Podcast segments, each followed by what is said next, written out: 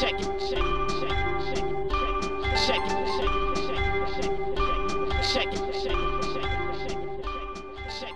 czwartym odcinku Codrive.pl powiemy o Robercie Kubicy i jego weekendzie wyścigowym w DTM-ie, a także o zbliżającym się weekendzie Roberta, tym razem w treningu Formuły 1. Przyjrzymy się także sytuacji związanej z oponami podczas ostatniego Grand Prix Wielkiej Brytanii i także co w związku z tym zmieni się w najbliższy weekend. Zajrzymy także do Racing Point i do afery związanej z kopiowaniem bolidu Mercedesa, jak również pomówimy o grobowej atmosferze, która ma w tej chwili miejsce w Ferrari w związku z nieudanym ostatnim weekendem Sebastiana Vettela. Zastanowimy się również nad przyszłością Alexa Albona w Red Bullu oraz przyszłością Kimiego Raikkonena w Alfie Romeo. Na koniec tradycyjnie powiemy o zbliżającym się weekendzie wyścigowym i konkursie, który przygotował dla Was Cezary razem z Hyundai Polska.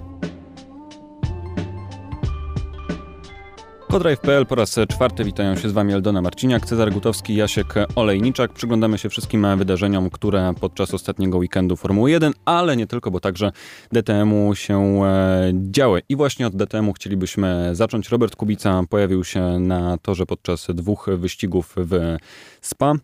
Co możemy powiedzieć na temat e, tego wyścigu? Robert, nie jestem pewien, czy był w 100% zadowolony. Na pewno w jakiś sposób chyba przewidywał te wydarzenia, które miały miejsce na SPA. No, Robert chyba się spodziewał tych wyników najbardziej ze wszystkich e, i starał się to jakoś przekazywać mniej, mniej lub bardziej e, dosłownie.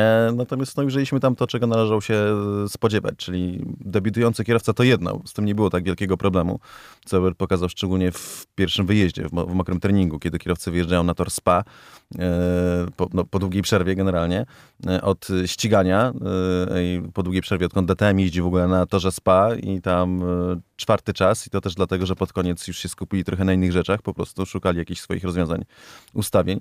Natomiast w momencie, kiedy tor jest suchy, kiedy no, konieczne jest wykorzystanie takiego no, optymalnego wyczucia opon i tego, jak w ogóle te opony przygotować, co z nimi zrobić, Robert wymieniał podczas tego weekendu generalnie rzeczy, nad którymi się pracuje w samochodzie. To była długa lista e, i kiedy trzeba po prostu no, umieć wycelować ich z ustawieniami samochodu e, i przygotowaniem auta e, i po prostu wcelować w to jedno szybkie kółko, no to wówczas oczywiście dość poważne problemy. Zresztą nie tylko jeśli chodzi o ustawienia, ale w pierwszych kwalifikacjach e, niedziałająca skrzynia biegów w pewnym, w pewnym momencie, która utknęła na czwartym biegu, więc stracony lepszy wynik. Drugie kwalifikacje lepszy wynik niż pierwszych, bo w pierwszych był 14, potem był 12, ale Robert wysiadł z samochodu i pytam go co i jak. On mówi, że jest jeszcze gorzej niż wczoraj, bo po prostu pobłądziliśmy z ustawieniami. Tak więc generalnie no, taki weekend mi się wydaje, że jeśli chodzi o ten drugi wyścig był taki przebijający, bo tam widać było, że no po prostu Robert co by nie robił, to, to, to, to nic się nie da zrobić. Y, Jest sytuacja, w której wychodzi, ściga się y, z Neweyem y, i z Oruż wychodzi szybciej, po prostu idzie od niego szybciej i wychodzi naprzód, a pod koniec prostej przy ha- hamowaniu do szykany już jest z tyłu, bardzo dużo pokazuje, tak, no bo w tym momencie, no to co, gazu nie docisnął? raczej, raczej docisnął, tak, w tym momencie, w takim, w takim miejscu przy tej prędkości. Mm, No, takich szereg po prostu komplikacji i chorób wieku dziecięcego dla ekipy. To jest coś, co, co w zasadzie wyszło podczas tego weekendu, szczególnie w tym drugim wyścigu. To, co widzą ludzie, to P14 i P14. Natomiast, e, tak jak mówi Cezary, do tego równania trzeba dodać bardzo wiele rzeczy. To, że samochód e, prywatny nie do końca równa się e, samochodowi fabrycznemu. To, że ekipa prywatna absolutnie nie równa się ekipie fabrycznej. To, że kierowca debiutujący w jakiejkolwiek serii, jaka ona by nie była, będzie miał trudniej w porównaniu z tymi, którzy są w niej od kilku albo kilkunastu sezonów. Jeżeli do tego dodamy awarię w kwalifikacjach w sobotę, e, awarię, czyli problem z podnośnikiem w wyścigu w sobotę i e, problemy z ustawieniami samochodu w niedzielę, no to mamy pełniejszy obraz tej sytuacji, który no, pozwala nam zrozumieć, że te wszystkie zapowiedzi Roberta o tym, jak będzie trudno, trzeba naprawdę traktować e, poważnie. No i do tego jeszcze jeden, jeszcze jeden wątek, coś na co Robert zwracał nam uwagę w niedzielę, co też podkreśla skalę tego wyzwania, jakie, jakie ma teraz, gdy był w ekipie fabrycznej, gdy był w aucie fabrycznym podczas testów e, zimowych w Jerez, no to tej różnicy prędkości nie było. On był w absolutnie ścisłej czołówce, więc e, to, co się teraz dzieje, to e, jest efekt no, tego nowego otoczenia, w którym się znalazł, a tutaj, tak jak mówi Cezary, mówimy nie tylko o uczącym się kierowcy, ale i o uczącym się tej serii zespole. Słuchajcie, zastanawiam się nad taką kwestią. Wspominaliście o tym, że kibice widzą tylko P14 i P14.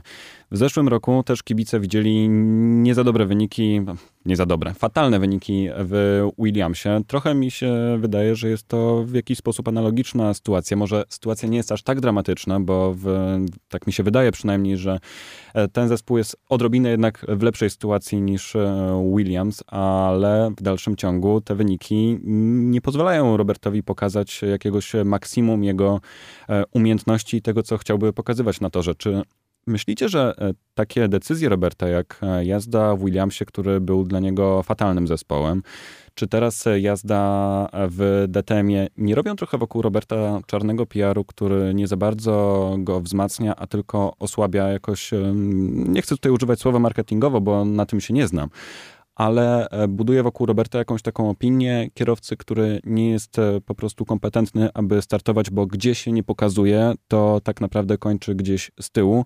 A trzeba też pamiętać, że zanim Robert trafił do, z powrotem do Formuły 1 i nie kończył e, gdzieś tam pojedynczych rajdów czy OS-ów, to przecież sytuacja była podobna, że te komentarze pojawiały się bardzo negatywne wokół Roberta.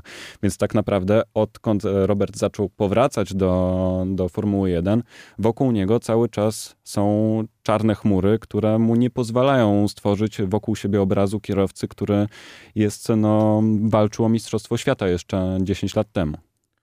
Czy jeśli chodzi o te kwestie wyścigowe, to ja to e, bardziej rozumiem takie wypowiedzi, chociaż też są wyjęte z kontekstu, ale okej. Okay. Natomiast te akurat rajdowe to no, są to opinie dyletantów e, absolutnych, dlatego że e, wszystkie przygody, jakie się przydarzyły Robertowi w rajdach generalnie i to zarówno te z jego winy jako kierowcy, e, jak i sporadycznie no, z udziałem pilota, co na przykład no, miał, miał to miejsce w rajdzie coś takiego, e, czy z racji kwestii technicznych i usterek, które są wrzucane do jednego ze wszystkimi jego przygodami, to są rzeczy, których należało oczekiwać i których należało się spodziewać. Ponieważ każdy kierowca na drodze rajdowej ma prawo do popełnienia tych błędów po prostu.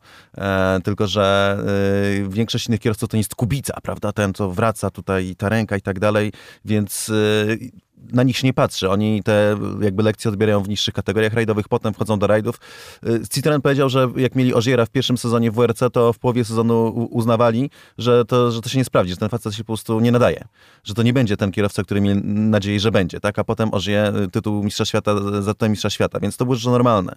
Natomiast totalnie, absolutnie nadzwyczajne było tempo, jakie Robert osiągał, czyli to, y, że zdobył mistrzostwo WRC 2 w swoim pierwszym sezonie w rajdach i to jest coś no, po prostu niesamowitego to, że prowadził w swoim pierwszym takim prawdziwym radzie WRC, bo, bo nie liczewali, gdzie jechał z włoskim pilotem e, i wyprzedzając całą stawkę, całą czołówkę e, rajdową w samochodzie Ford Fiesta szykowanym przez M-Sport, przez zespół prywatny de facto e, i to odsadził ich totalnie. I to był Ożie, tam był Lep, jechał w tym, w tym rajdzie, no po prostu cała czołówka rajdowa.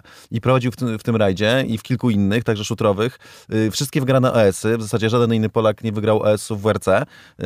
Hołek miał jeden egzekwo Super OS. I, I, to jest wszystko, to, to są po prostu rzeczy niesamowite. I Robert cieszył się w środowisku rajdowym ogromnym szacunkiem, szczególnie kierowców, którzy wiedzieli, ile oni lat musieli poświęcić na to, żeby osiągać to tempo, które Robert miał z miejsca, jadąc samochodem nie fabrycznym, czyli o wiele gorszym, niedofinansowanym. Więc jeśli chodzi o WRC, no to tutaj to absolutnie dyletanckie opinie e, ludzi, którzy nie mają pojęcia, albo wydaje im się, że mają pojęcie, a nie mają. E, natomiast no, w wyścigach, e, no to może Aldona nie kontynuuje, bo się rozgadałem, natomiast ja to rozumiem, natomiast tak, żeby rzucić tylko po pierwsze, to łatwo jest powiedzieć po czasie, natomiast w momencie, kiedy tak jest się tym Robertem, który ma szansę wrócić do Formuły 1 e, i może to zrobić tylko z Williamsem i może zrobić tak, dokonać tego, e, no to nie wiem, czy rezygnować, wiedząc, że może być ciężko, chociaż nikt nie mógł przewidzieć, że będzie aż tak ciężko, e, że Williams się aż tak zachowa. Znaczy mówię o zespole, tylko raczej kierownictwie. No nie. A jeśli chodzi o DTM, no to no faktycznie to była taka de decyzja, takie zagranie w pewnym sensie grube, tylko że ono zakładało, że Robert w DTM będzie startował kilka lat.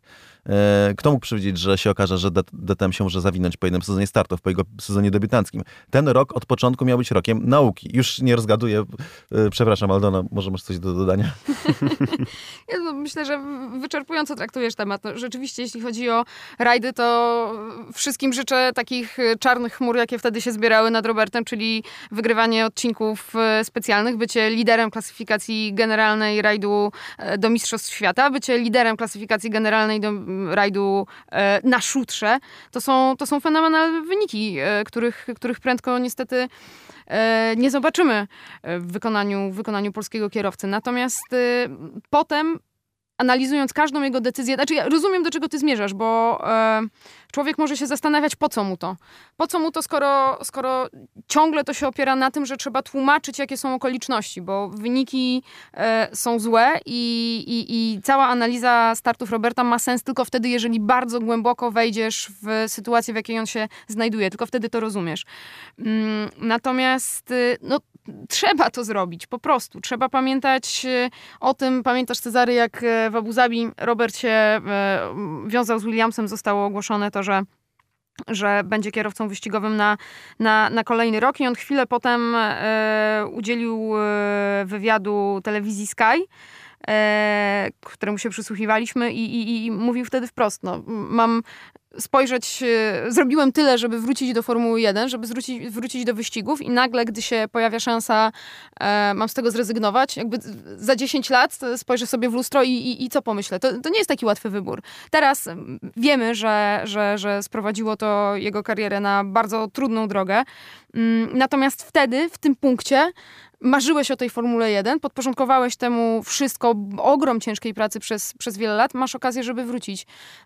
Odrzucasz to lekką ręką, bo Williams jest w trudnej sytuacji? No nie, no zawsze masz prawo wierzyć, że, że będzie lepiej i w e, DTM-ie też no, takie, takie, takie nadzieje stały za tą, e, za tą decyzją, żeby, żeby do tego mm, DTM-u dołączyć, że to będzie długofalowy projekt, długoletni, który pozwoli mu spokojnie zdobywać wiedzę, spokojnie się uczyć, no a wyszedł z tego taki kurs przyspieszony.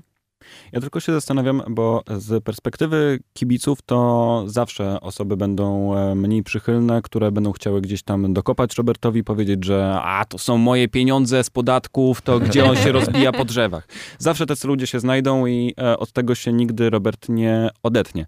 Ale zastanawiam się, czy z punktu, tak nazwijmy to, czysto biznesowego, czy to jest dla niego dobra rzecz, że on pokazuje się w miejscach, w których de facto nie jest w stanie pokazać za, za wiele tego, co naprawdę za nim stoi. No, miał jakieś swoje pojedyncze e, szanse w Williamsie, ale bardzo szybko zostały ukrócone. Teraz pytanie, czy będzie miał takie szanse na pokazanie się w DTM-ie. Będziemy się na pewno wszyscy modlili o to, żeby deszcz gdzieś spadł i żeby Robert miał szansę swoimi umiejętnościami wtedy faktycznie gdzieś zawojować. Ale znowu, to będą jakieś pojedyncze strzały. Czy to nie jest... E...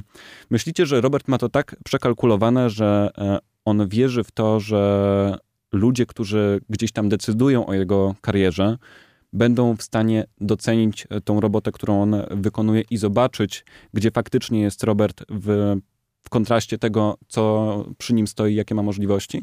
Warto wyjaśnić kilka rzeczy. Jedna podstawa to jest taka, że Robert owszem rzucił pomysł, że chce jeździć w DTM-ie, e, ale ostatecznie to prezes nalegał, żeby Robert w DTM-ie jechał. Że no Robert zdał sobie sprawę, że ten program łączony, podwójny, to jednak będzie bardzo dużo i to prezes, to prezes przyznał sam e, Obajtek, że mu na tym zależało i, i że wszedł ten program, Robert z całą pewnością ostrzegał, że to będzie ciężko. Raz, a dwa, jeszcze raz, e, to był w zamyśle program nie jednoroczny. Ten pierwszy rok miał być zawsze przeznaczony na naukę. On, e, jakby ta nauka miała dawać owoce później, w sezonie e, przyszłym, czy tak naprawdę za dwa lata powinniśmy oczekiwać, że to będzie ten moment, kiedy Robert będzie mógł atakować czołówkę. Ja jestem przekonany, że mógł wcześniej o wiele, gdyby miał do tego sprzęt odpowiedni. E, to jest jedna rzecz. A druga rzecz jest taka, że no, Robert w pewnym sensie został, był zmuszony, żeby jechać z prywatną ekipą, dlatego że mając sponsora takiego, jakiego ma, który jest, to jest oczywiście wspaniały sponsor i lepiej zdecydowanie go mieć niż nie mieć, jednak e, to jest marka e, paliwowa.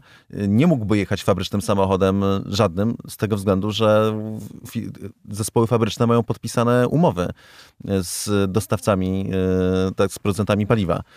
Więc no, nie można było pogodzić logo naszego koncernu paliwowego z logo innego koncernu paliwowego, więc siłą rzeczy z góry musiał to być projekt startu w zespole prywatnym i to jest, no, to jest taki system naczyń połączonych. Po prostu inaczej to nie, nie mogło zadziałać. Natomiast to, to, to pod kątem DTM-u.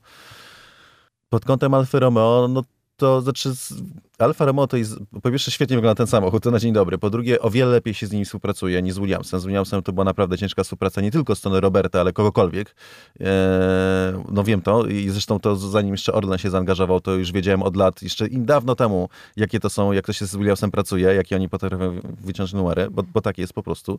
Na przykład jak mieli przyjechać tutaj na e, Verva Street Racing i zapewniali, że będzie, wszystko było dogadane, zapewniali, że będzie Tak. kierowca Formuły 1 regularny, że to będzie Nico Huckenberg, e, a e, w momencie, kiedy ma być podpisana umowa, e, mówią, że ale wiecie, tak przy okazji to nie będzie kierowcy Formuły 1, tylko podeślemy wam naszego siódmego rezerwowego.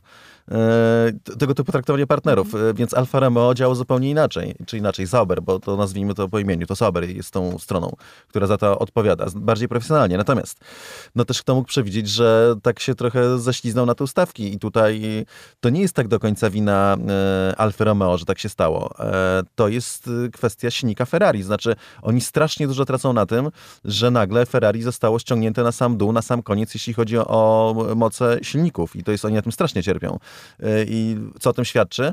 To, że w kwalifikacjach są zawsze z tyłu, a w kwalifikacjach jedziesz, no to jest jedyny moment, kiedy wyciągasz silniki na absolutnie 100% ich mocy. Natomiast w wyścigu, kiedy ta moc e, ta nie jest e, aż tak ważna, żeby mieć wysoką deltę e, jakby średniej wyścigu, średnich czasów wyścigu, e, oni są konkurencyjni i to mocno, w sensie, że naprawdę e, jadą znacznie szybciej, e, znacznie lepiej sobie radzą. No to świadczy o tym, że tylko i wyłącznie, że to idzie z silnika, że ten samochód być może jest na, naprawdę całkiem niezły, jeśli chodzi o jazdę. Robert mówi, że to auto dobrze jeździ, dobrze skręca, że nim się dobrze jedzie. Brakuje mu prędkości. Więc e, no tutaj znowu wielki pech ostatecznie w wyborze Alfa Romeo z tego względu, że kto by mógł przemyśleć, że e, zespół nagle tak gwałtownie spadnie na te ustawki i to ze względu na, no, na taką rzecz jak wojna silnikowa. Przejdźmy w takim razie do tego, co będzie się e, działo w najbliższy weekend, bo Robert jest potwierdzony do, do startu w treningu e, przed następnym e, Grand Prix w Wielkiej Brytanii. Mm, Powiedzcie po raz kolejny, już oczywiście o tym mówiliśmy, jaki jest e, cel Roberta, gdy e, zasiada w bolidzie w treningach, ale e, znowu, co Robert może pokazać na torze w najbliższy weekend, zwłaszcza w obliczu tego trudnego weekendu, myślę, dla e, zespołów, bo cztery opony e, poszły podczas e, wyścigu, inne mieszanki będą używane podczas tego e, weekendu, więc myślicie, że Alfa będzie wykorzystywała Robert, Roberta właśnie pod kątem sprawdzenia opon? Na przykład? Wiesz, no rzeczywiście, y, ilekroć Robert się pojawia w treningu, no to, no to za każdym razem kibice mają nadzieję, że, że e, pokaże więcej tej prędkości, że Alfa go na taki program wrzuci. Natomiast y, no to tak nie działa i Robert też y, nam mówił w ten weekend, że tak naprawdę ta e, jego rola jest trochę niewdzięczna. Wsiadasz na kilkanaście kółek, e, gdy wcześniej jechałeś innym autem, e, zmieniasz te samochody, to też nie jest takie, to też nie jest takie, takie proste. No i, i, i pracujesz e, dla zespołu, poddane zespołu. E, Mówił nam e, o tym na przykład, że no okej, kiedyś, gdy był młodym kierowcą, no to za każdym razem chciał być po prostu najszybszy. A teraz, i to jest różnica pomiędzy kierowcą młodym a kierowcą doświadczonym, wie, że gdy wyjeżdża na tor, ma pewne zadania i czasami to zadanie nie ma nic wspólnego z byciem najszybszym, tylko z ułatwieniem pracy zespołu na resztę weekendu. Pod tym względem jest to rola niewdzięczna, no ale taka, taka jest jego w e, tym sezonie w Alfie Romeo. Jeśli zaś chodzi o opony, no to rzeczywiście czeka nas e, ciekawy wyścig, ponieważ tak jak wspomniałeś, e, mieszanki będą inne i idzie to w tym kierunku, że jeszcze stopień bardziej miękkie niż podczas ostatniego, ostatniego wyścigu, a Przeciążenia, jakim są poddawane e, te opony, są w tym roku ogromne. Trzeba pamiętać o tym, że to miały być inne opony na ten rok i też e, Pirelli troszeczkę się broni, e, zwracając uwagę na to, że gdyby było tak, gdyby została utrzymana ta mieszanka, która miała być na 2020 rok, to tych problemów by nie było. No to jest takie trochę odgryzanie się, dlatego że no faktycznie były testowane te opony i to zostało źle przyjęte przez wszystkich kierowców. Wszyscy mówili, że to jest, no, no że to było trochę zażenowanie, w sensie, że i takie rozczarowanie, dlatego że kierowcy chcą opony, na których można się ścigać, a Pirelli konsekwentnie od lat im tego nie dostarcza, przy czym e, no, początkowo to było na, teoretycznie na żądanie w ogóle Formuły 1, co jest największym, jednym z największych absurdów, żeby te opony się szybko psuły, żeby było więcej pit stopów, żeby było ciekawiej, nie? to jest jakaś bzdura.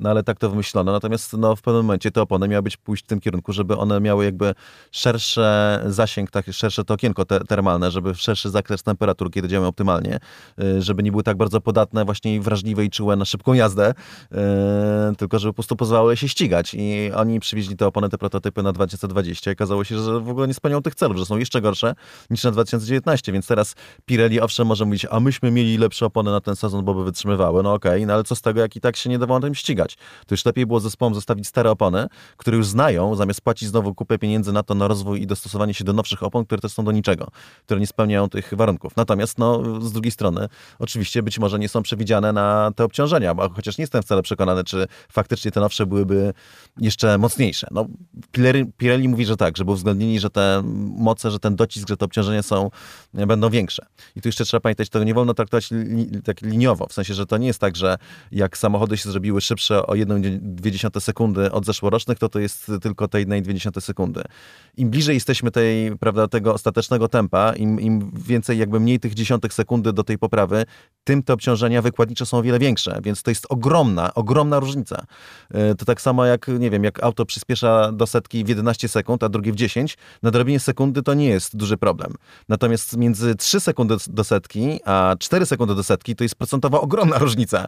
Więc jak ktoś powie, że o, tutaj zepsuli auto, bo y, jego rywal się rozpędza w 3,7, a ten się rozpędza w 3,4, no i co to jest te 30 sekundy wyciągnąć? Nie, kiedy się zbliżamy do granicy zero, to jest ogromny wysiłek i to jest naprawdę no, jeszcze większe wyzwanie. I to samo dotyczy no, innych kwestii, jeśli chodzi o obciążenia y, w motorsporcie. A jeśli chodzi, wracając znowu, jakby historia zatoczy koło, e, do kwestii Roberta, no jestem przekonany, na 95% zadanie Roberta będzie jedno i to będzie szykowanie e, samochodu na wyścig.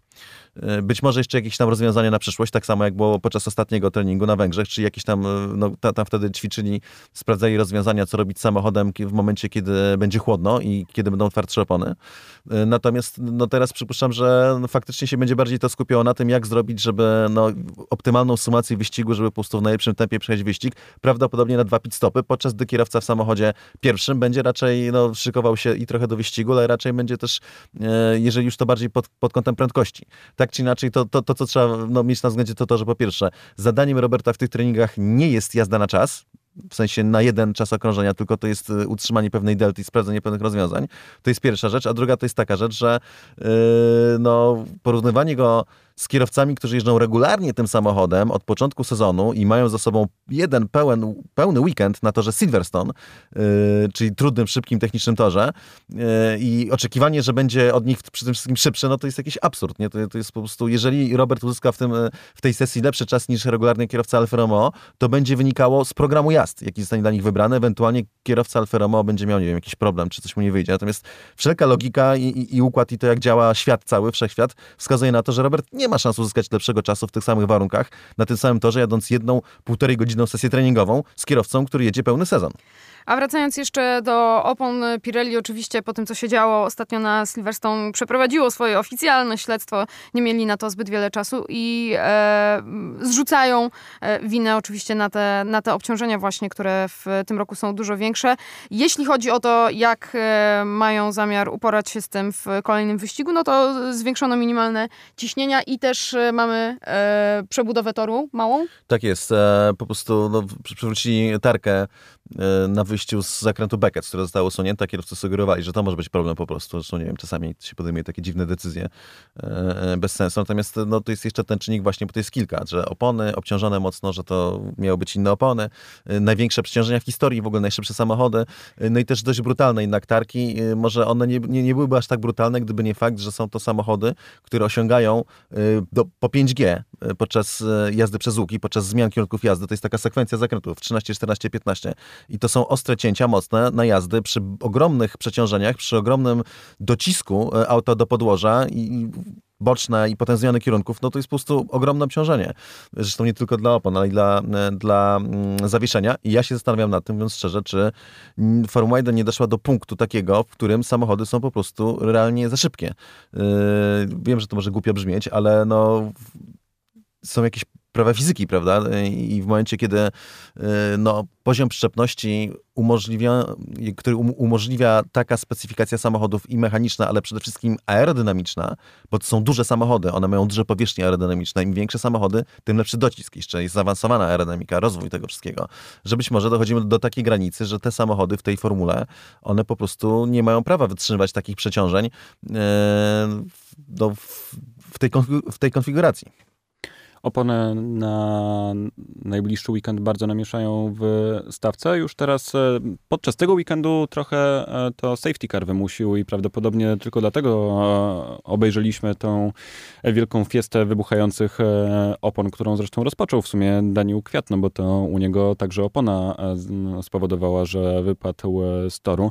Ale zastanawiam się, o ile nam to urozmaici wyścig, to, że będzie inne, będą inne mieszanki opon przygotowane i czy w ogóle tak naprawdę to coś zmieni? Czy to będzie kwestia po prostu tego, że będą dwa pit stopy, ale tak naprawdę strategia nie wpłynie za bardzo na to, jak będzie się oglądało widowisko? No tak jak mówisz, tutaj w pierwszym wyścigu e, duże znaczenie miało to, że te e, opony musiały wytrzymać mniej więcej 10 okrążeń niż e, więcej niż e, by planowali w zespołach, chociaż i tak to e, jest jeszcze mniej niż deklarowało Pirelli, że wytrzymać są w stanie. Teoretycznie tam był, tam był duży zapas. E, no, dwa pit stopy to to faktycznie czego się powinniśmy spodziewać. No, poza tym to cóż, no, kolejny wyścig na oszczędzanie no zobaczymy jeszcze, dlatego że jeżeli będą wymuszone dwa pit stopy, to być może będzie takim jaśniejszym punktem to, że nie trzeba będzie aż tak opon oszczędzać, że to no, dwa pit stopy, no to będzie trochę więcej takiego pola do popisu, żeby troszeczkę pojechać szybciej, troszkę dłużej, ale z dłuższa, no wydaje mi się, że efekt będzie dość podobny. E, w czołówce, no nie widzę, żeby ktokolwiek był w stanie dotknąć Mercedesa na jakimkolwiek torze, w jakimkolwiek okolicznościach, no chyba, że Mercedes będzie miał jakiś konkretny problem techniczny związany z konkretną konfiguracją trasy. E, co może się hmm. przydarzyć, tak? No w Austrii de facto nie zobaczyliśmy pełnej e, potęgi Mercedesa, dlatego, że musieli omijać tarki, a mimo tego byli ciągle najszybsi. Więc czołówce się niewiele zmieni, natomiast e, ewentualnie ten czynnik zmiany opon może wpłynąć mocno, zamieszać środek stawki, który był bardzo ciasny już poprzednio na Silverstone, więc jak różnice są tak bardzo małe, to drobne wahnięcia, czy takie rzeczy jak zmiana mieszanek i, i strategii wyścigowych mogą sprawić, że no ci, co byli ciut wolniejsi teraz na Silverstone, będą ciut szybsi. Albo nawet nie tyle, jeśli chodzi o samochód. Przypuszczam, że Lance Stroll, jadąc na tym samym torze kolejny wyścig, prawdopodobnie będzie mu łatwiej wyciągnąć potencjał samochodu Racing Point niż za pierwszym razem, bo za pierwszym razem mu to za bardzo nie poszło. Więc y, przypuszczalnie Racing Point powinien trochę podskoczyć na przykład dzięki temu, że kierowca może nie tak wybitny jak, jak większość innych, mówiąc delikatnie, y, że no, na tym doświadczeniu coś więcej pojedzie. Y, no i ja jestem bardzo ciekawy jak Ferrari generalnie, szczególnie Ferrari Sebastiana Vettela, jak wypadnie podczas tego drugiego weekendu. Mattia Binotto, jest takie nagranie w ogóle i poszło na, na oficjalnym profilu F1 y, na Instagramie jak Mattia Binotto mówi, i to są takie grobowe głosy, takie, no wiesz Seb, no, no mieliśmy problemy tego, ale za tydzień znowu jedziemy, poprawimy się. I taka cisza, cisza, cisza i inżynier radioczek, nie, czy coś słyszał. I wtedy Vettel, e, jest, tak, tak, słyszę, słyszę i mówi, no tak, i co też pokazuje, jaka jest w ogóle grobowa, jaka jest fatalna atmosfera Ferrari. Się, to, to jest inna rzecz, tak powiem, e, w ramach dygresji że się zacząłem na tym zastanawiać. I szczerze powiem, że sytuacja jest o tyle ciężka dla Ferrari i dla, Wete, dla Vettela, niesmaczna, że Vettel jest strasznie fajnym facetem i on naprawdę dużo, może nie jest najwybitniejszym kierowcą w Formule 1, chociaż jest bardzo dobry, e, ale jest naprawdę, to jest dusza człowiek, który poświęcił wszystko, co mógł, poświęcał na to, żeby e, w tym zespole szło mu i temu zespołowi szło jak najlepiej. I nagle no, podjęli decyzję trudną, którą pewnie należało podjąć, chociaż może zbyt brutalnie, że rozstajemy się z sobą nawet nie negocjując kolejnego kontraktu i robią to w dużej mierze wbrew sobie. Oni go bardzo lubią, na pewno, bo to jest po prostu facet, którego nie sposób nie lubić i szanują. I on ich też lubi lubił i lubi. I nagle no, jest taki jeden potężny zgrzyt, taki po prostu załamanie totalnej relacji yy, i zespół czuje się taki trochę, ma trochę poczucie winy, że, że yy, no, trochę krzywdzi jednak człowieka, który był, jest po prostu tak fajnym facetem i po, tak porządnym, nie? Człowiekiem, z którym się tak dobrze pracuje, naprawdę. Yy, to jest naprawdę mega fajny, fajny człowiek. Yy, no a on z kolei czuje się tak po, pokrzywdzony i porzucony yy, przez ekipę, której tyle z siebie dał. To a propos tego, co mówisz, e, Mark Webber dużo e, mówił o tym, że rozmawiał z e, Sebastianem Vettelem podczas tego weekendu i to, co mówił mu Vettel o, o swojej sytuacji, to to, że on po prostu nie ma zaufania do tego samochodu. Więc wyobraź sobie, że wjeżdżasz na Silverstone, no. tak szybki tor, z tak szybkimi łukami, z takimi przeciążeniami i nie masz zaufania do auta. To jest, to, to jest strasznie trudna sytuacja, e, w której znalazł się teraz Sebastian Vettel. Mówisz o tym, że, że grobowo w Ferrari. No tak, ale po jednej stronie garażu, bo z drugiej strony, e, bo z drugiej strony Charles Leclerc, który e, wyciąga w tych okolicznościach maksimum, chociaż też pamiętajmy, że na przykład na Węgrzech z kolei Leclerc był nigdzie kompletnie.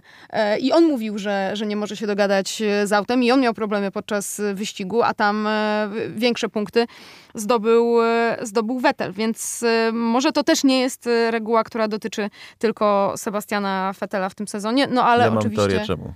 Jaką masz teorię czemu? Eee, znaczy z grubsza to się za- zasadza o docisk aerodynamiczny. Sebastian Vettel zawsze był szybki, bardzo dobry w samochodach, które miały bardzo dobrą przyczepność, które miały szczególnie stabilny tył, który mógł zaufać i wtedy dawał z siebie te 100% albo i więcej i o ile jego racecraft i to jak się porusza po torze i w walce, no to jest wątpliwy, czasem mu to wychodzi, częściej mu nie wychodzi, o tyle prędkość jest niekwestionowana.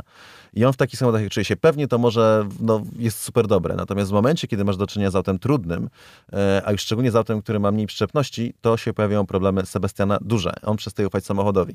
I to jest coś, co Leclerc jako ten kierowca z Bożą iskrą, ten wybitny, jeden z wybitnych, a wybitnym Vettel akurat nigdy nie był, e, przezwycięży. Prostu Jest, jest jeszcze do tego młodszy, tak? Więc inaczej patrzy na te sprawy, jest w stanie więcej zaryzykować, ma w sobie więcej takiego, nie, nie na zasadzie, o jeżdżę już w Formule 1 15 sezonów i 7 sezonów temu to miałem auto, którym się dało naciskać, a tym nie.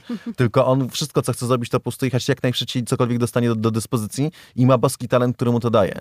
Vettel y, aż tej iskry nie ma, natomiast wie, ile ma do stracenia i w tym momencie, w oparciu o ten niski docisk, a Ferrari ustawiło niższy docisk na Silverstone generalnie, żeby z, jakby odzyskać straty z mocy silnika, no to jest ten moment, kiedy ten tak super utalentowany młody Leclerc wyciska z Ferrari 110%, a Seb Vettel y, góra 90%, no bo nie ma w sobie tej pewności, no to jest prostu auto nie pod niego.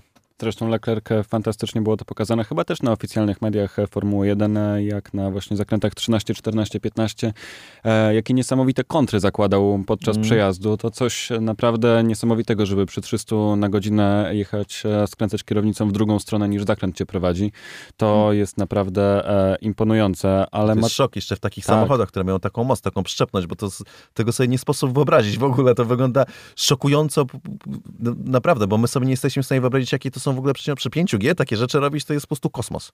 A Mattia to brzmiał trochę jakby miał naprawdę, e, jakby było mu żal trochę Sebastiana w tej Tak. sytuacji. To naprawdę była bardzo smutna e, konwersacja, zwłaszcza, że Sebastian potem zaczął się e, żalić. To nie tylko Markowi Weberowi mówił, ale podczas tej e, komunikacji z Mattią, e, żaląc się po prostu na samochód, że zupełnie, zupełnie przez cały weekend nie czuł, że czuł się tak samo jak w kwalifikacjach, czyli beznadziejnie. Więc naprawdę przykro się patrzy na Sebastiana i myślę, że Mati jest tym bardziej żal Seba, im wyżej Charles skończy wyścig, bo pokazuje to, że tylko jeden bolid dojeżdża tak, jak by Ferrari sobie tego e, życzyło. Ale płynnie przechodząc do następnych e, tematów, to e, samotne na polu walki zostało Racing Point Hmm. z e, swoim... E, No nie, nie, Racing Point ma tam z tyłu bardzo poważnego, Ma dużego Tak, tak. tatusia. no największego w zasadzie No Formule 1. także. Tak. Największego, najważniejszego. Tam większość Formuły 1 jest przeciw, przepraszam, ci wszedłem słowa, ale generalnie Mhm. wiesz, no, no nie możemy tutaj, bo to jest bez Mercedesa Racing Point byłby już tam ukatrupiony, gdzieś leżał, prawda, w rowie martwy dogrywając, y, że tak użyję przenośniej. Natomiast on ma z tyłu najpotężniejszy zespół Formuły 1 i najpotężniejszego szefa.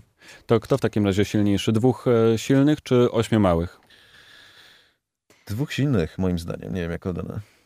No, dowiemy się niedługo, aczkolwiek e, na pewno to też. e, Ja nie spodziewam się, żeby szybko się rozwiązała ta kwestia e, w Racing Point. Teraz słyszymy, że o tym, żeby oprotestować właśnie kanały wentylacyjne w samochodzie, o tym podpowiedział Racing Point były pracownik, podpowiedział Renault, były pracownik Renault, więc jest takim Racing Point. Dziękuję bardzo. Tak, tak.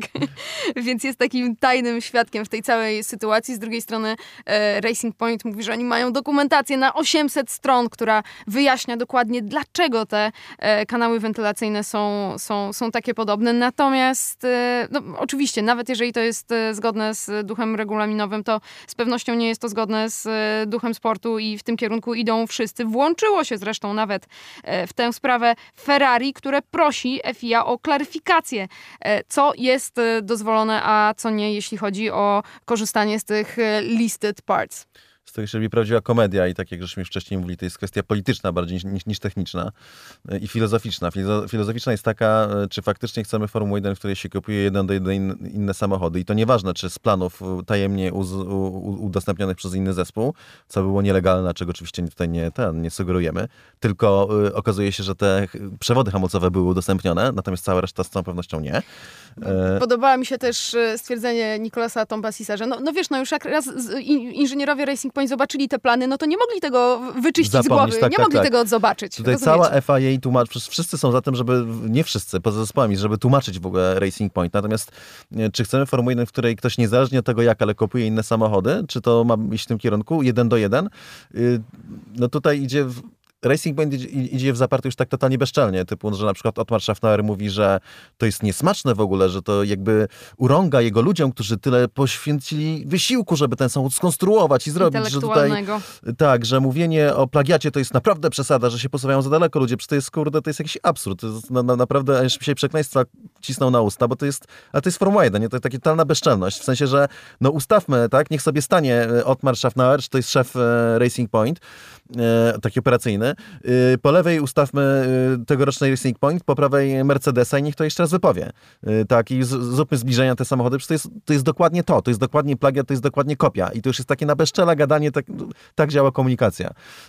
Natomiast z kolei Andy Green, szef techniczny, no idzie tą linią obrony, którą wymyślił wcześniej Mark Hughes, czyli taką, że no dobra, tak, my, to faktycznie te kanały to są bardzo podobne do Mercedesa i nawet jak nas kontrolowała FIA, to oni zwrócili na to uwagę, no ale my to im powiedzieliśmy dlaczego, no bo to dlatego, że myśmy w zeszłym roku, to myśmy przecież kupili te, i to można było wtedy, kup, te przewody e, ha, chłodzące hamulce i, i to wtedy myśmy je kupili, wtedy można było, a prawo nie działa wstecz. Przy czym potem Ginter Steiner mówi, że Haas dostał not, y, od notkę od FIA, że nie mogą prosić o dane Ferrari w, wz- względem y, kanałów chłodzących właśnie, tylko że muszą je za- zaprojektować, sami y, i że zatrudnił trzech inżynierów do tego, żeby te kanały chłodzące zaprojektowali, dlatego że to jest tak skomplikowany mechanizm. I tu nagle, no ale to też znowu taki typowe dla tego sportu, że jeden zespół dostaje, no, no robi coś takiego, drugi pyta i nie, nie dostaje na to pozwolenia, a i tak ostatecznie e, podejmą jeszcze inni ludzie decyzję o tym, moim zdaniem na 90% albo na 95%, że e, Racing Point e, no, nie zostanie ukarane. Tak się wydaje. No, mam nadzieję, że się mylę. No bo też ostatecznie, no, jeszcze raz kwestia filozoficzna. Jak to wyegzekwować przez regulamin, żeby faktycznie kopiowanie auta cudzego na oko tylko było nielegalne. Ale przejdźmy do jeszcze do, do jednej rzeczy, tak żeby podsumować. I, i to jest taki właśnie e, no, no punkt, wydaje mi się, sporny, w którym FAI musi podjąć decyzję na podstawie tylko i wyłącznie własnych interpretacji regulaminu. E, Te kanały nieszczęsne. Mm. Jeżeli w zeszłym roku było możliwe korzystanie z tych kanałów, ale to do zeszłorocznych samochodów, i oni je kupili i skopiowali je niemal jeden do jeden do nowego auta, to, to czy, czy to jest legalne?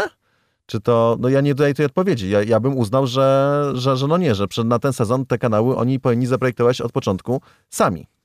Słuchajcie, teraz jeszcze e, na chwilę zostając w tym wątku, naszła mnie e, taka myśl. Mówiliśmy o tym, że Ross Brown komentuje całą tą sytuację, e, że kopiowanie w Formule 1 jest przecież od zawsze, że specjalni fotografowie byli do tego wynajmowani, żeby można było naśladować inne bolidy.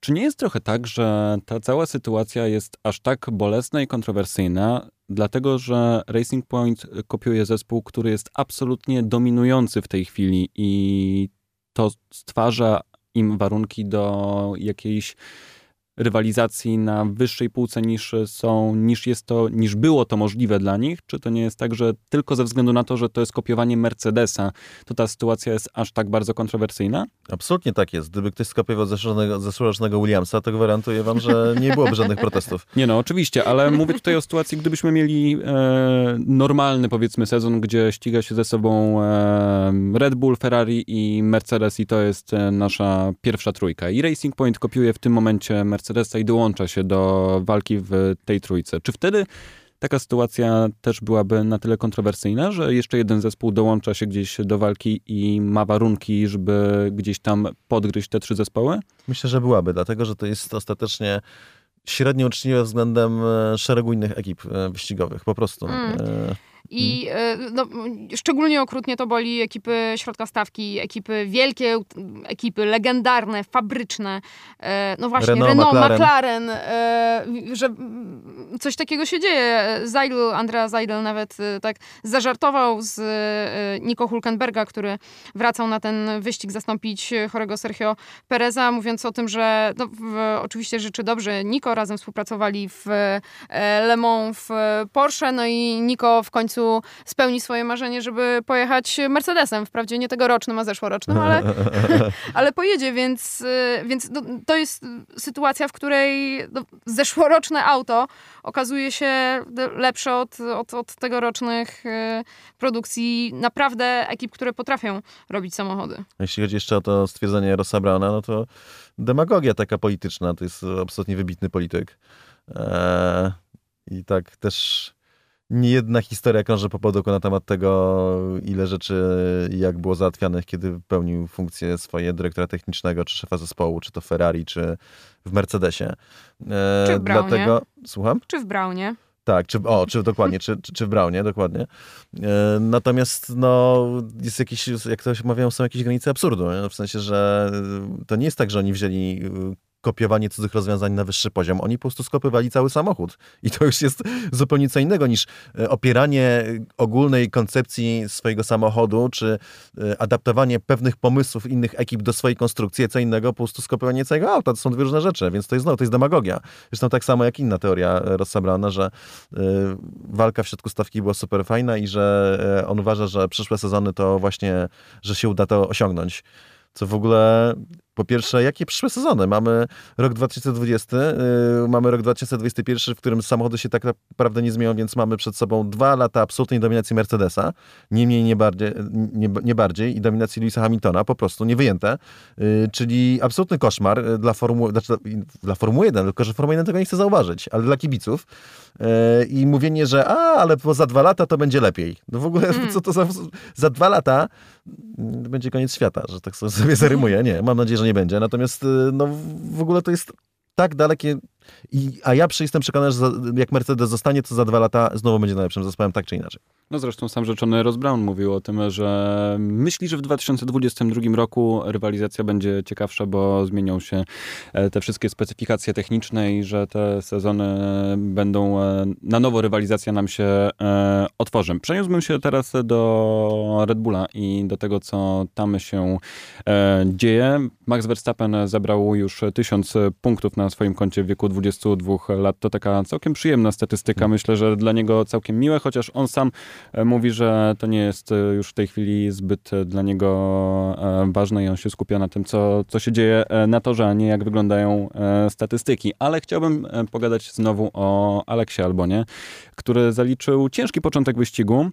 Po kolizji z Kevinem Magnusonem e, jechał e, dalej. Christian Korner powiedział, że to był bardzo dobry wyścig dla Alexa i po wyścigu mówił, że życzy mu, żeby miał w końcu nudny wyścig, podczas którego nic nie będzie e, musiał robić. Myślicie, że Alex jest cały czas gdzieś w łaskach Red Bulla, czy gdzieś tam takie incydenty jak z Kevinem sprawiają, że gdzieś jednak te oczy są bardziej na niego zwrócone i niekoniecznie przychylnie na niego patrzą, już pomijając to, czy to była w ogóle wina Alexa ten wypadek, czy wina Kevina, bo kara nie wiem, czy jest zasłużona, bo chyba to był bardziej incydent wyścigowy, E, ale to jest inna, inna sprawa. Jak myślicie, czy kolejny wyścig sprawił, że ta przyszłość Alexa gdzieś się klaruje?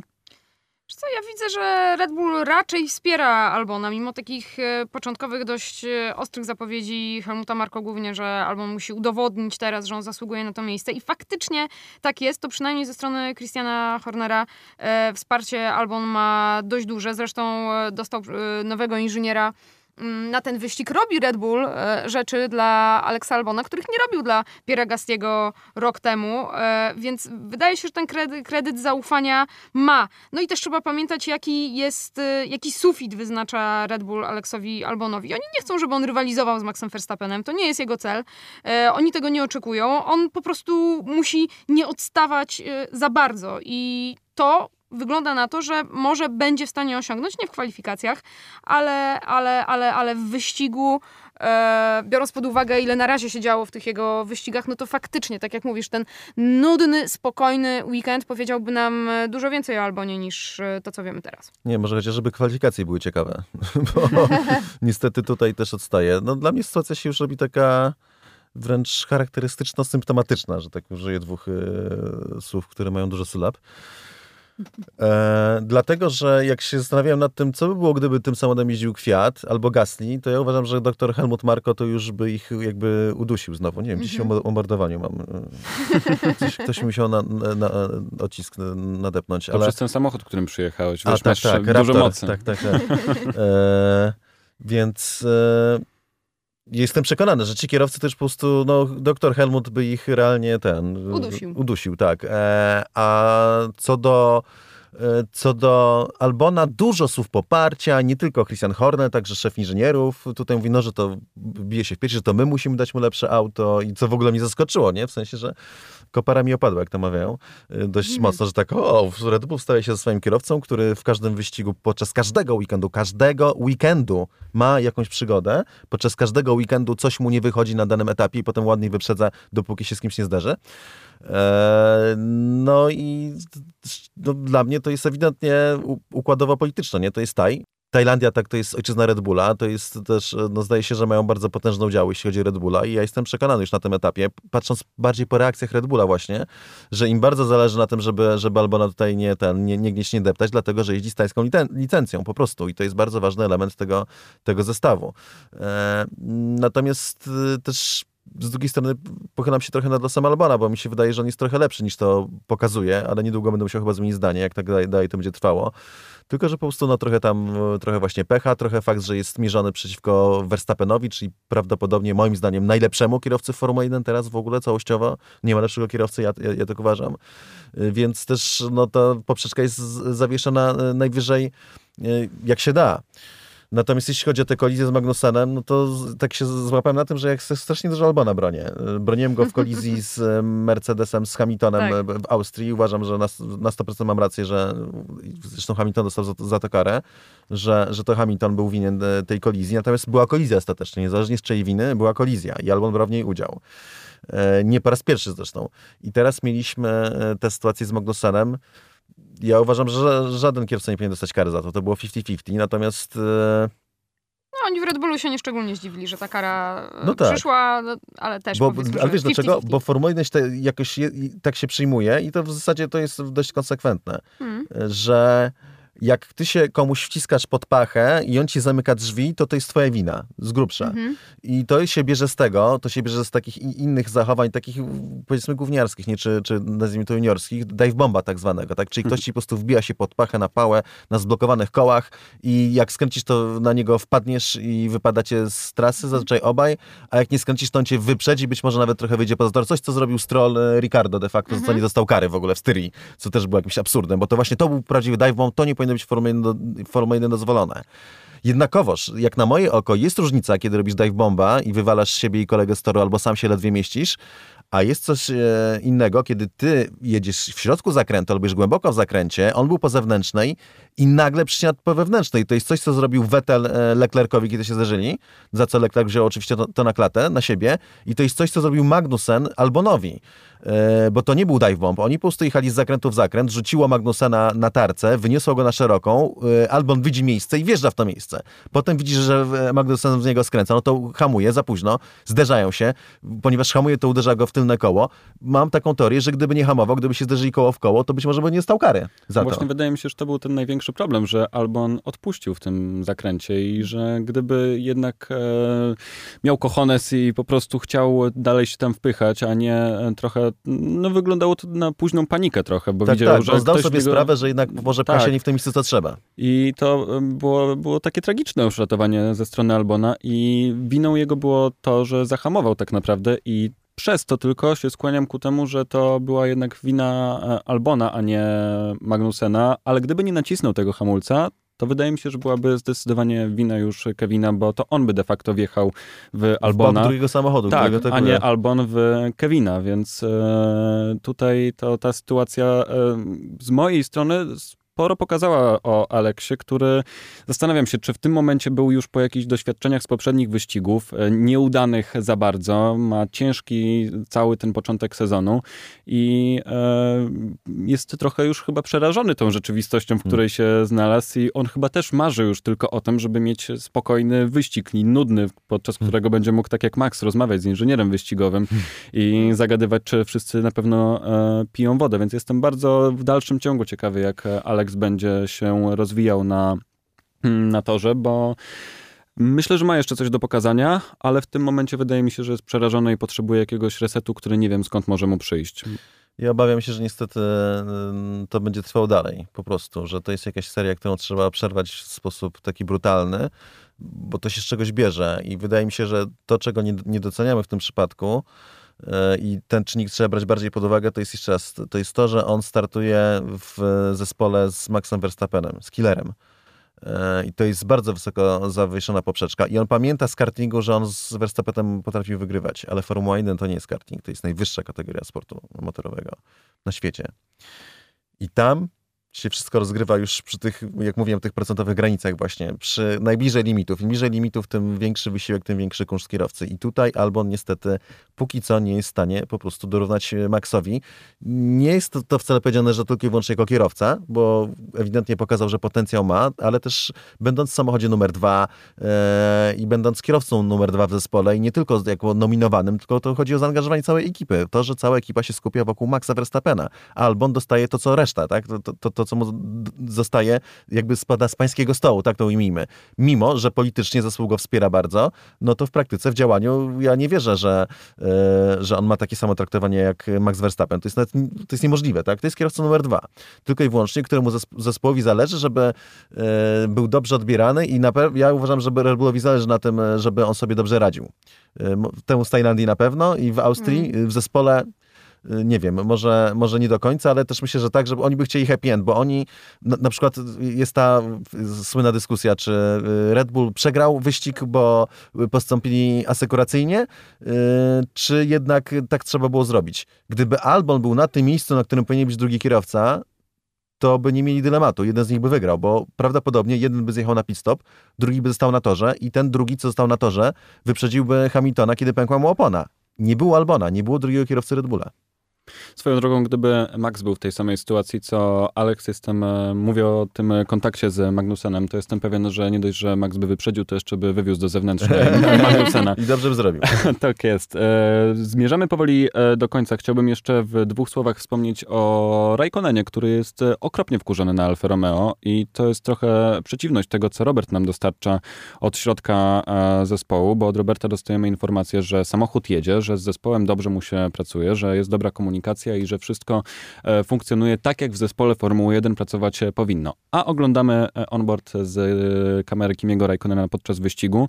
Inżynier wyścigowy w ostatnim momencie woła Kimiego na pit stop, a gdy już Kimi wjeżdża do alei, to jest odwoływany z powrotem na tor. Kimi wpada w dziki szał i krzyczy em, niezbyt przyjazne słowa, ale to jest kolejna sytuacja, w której Kimi narzeka na Alfa Romeo i e, no, to, o czym mówiliśmy tydzień temu, gdzie zarówno Antonio, jak i Kimi chcieli wywieźć punkty z Silverstone, wydaje się być jednak marzeniem, a nie jakąś realną sytuacją. I myślicie, że Kimi po pierwsze ma powody do tego, żeby gdzieś tam narzekać na Alfę, e, pod wz- pod względem e, organizacji samej pracy, bo to jak e, technicznie stoi Alfa, to już omówiliśmy przy okazji e, Roberta.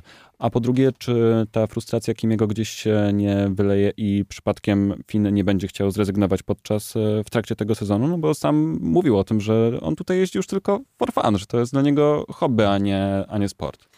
No właśnie, no i pytanie, czy, czy, czy on, e, czy, czy hobby ma sens, jeżeli dostarcza ci tylko frustracji i zdenerwowania, a nie daje ci fanu żadnego. E, no, problem z Kimi polega na tym, że on spadł z wysokiego konia. Będąc w Ferrari jednak e, mógł walczyć o miejsca na podium regularnie, e, od czasu do czasu o, o, o zwycięstwa, był wysoko w kwalifikacjach i mimo, że miał ten status kierowcy numer dwa i generalnie wiadomo było, że e, nie zagrozi Sebastianowi Vettelowi, to widać było wyraźnie, gdzie ta, gdzie ta frajda, gdzie ta przyjemność e, tam może leżeć. W zeszłym roku w Alfie Romeo też nie było, e, nie było źle, bo e, wyraźnie, wyraźnie Kimi szybszy od Giovinazziego, 43 punkty do 13 w klasyfikacji Mistrzostw Świata. Punkty zdobywane dość regularnie jednak, jednak mimo wszystko. No a teraz Alfa Romeo pozostaje jedynym zespołem, który nie wyszedł jeszcze z Q1 w tym sezonie. Jeżeli do tego dodamy jakieś takie błędy operacyjne, jakie się pojawiły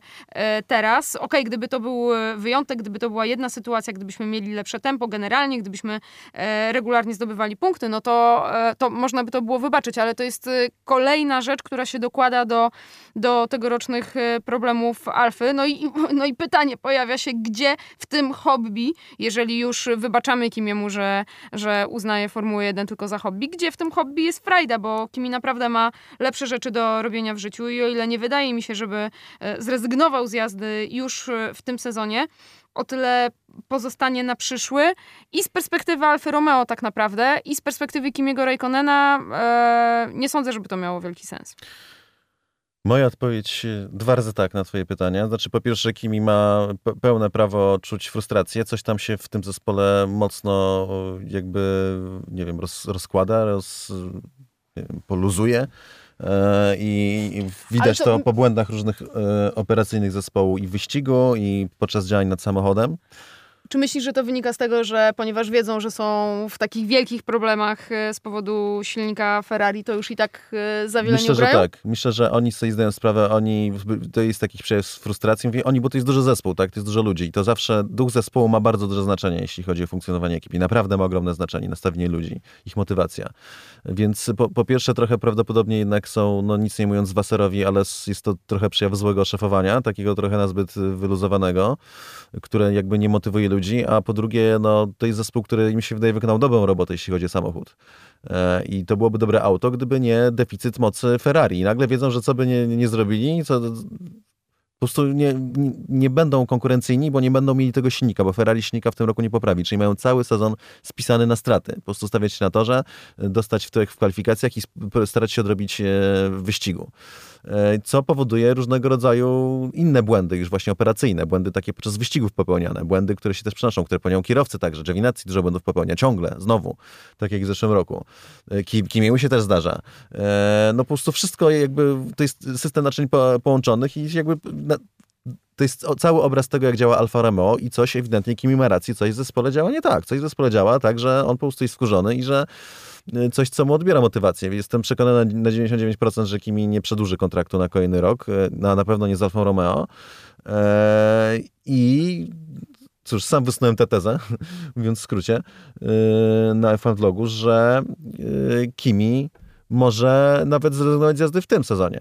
Jest, jest szczególnie, jeżeli Alfa będzie popełniała takie błędy operacyjne, tak, robiła takie rzeczy tak, że nie będzie wiadomo kiedy, co, po jakie opony zjechać, nie zjechać, bo już naprawdę są takie rzeczy, które no, warto było dopilnować i oni tego nie robią.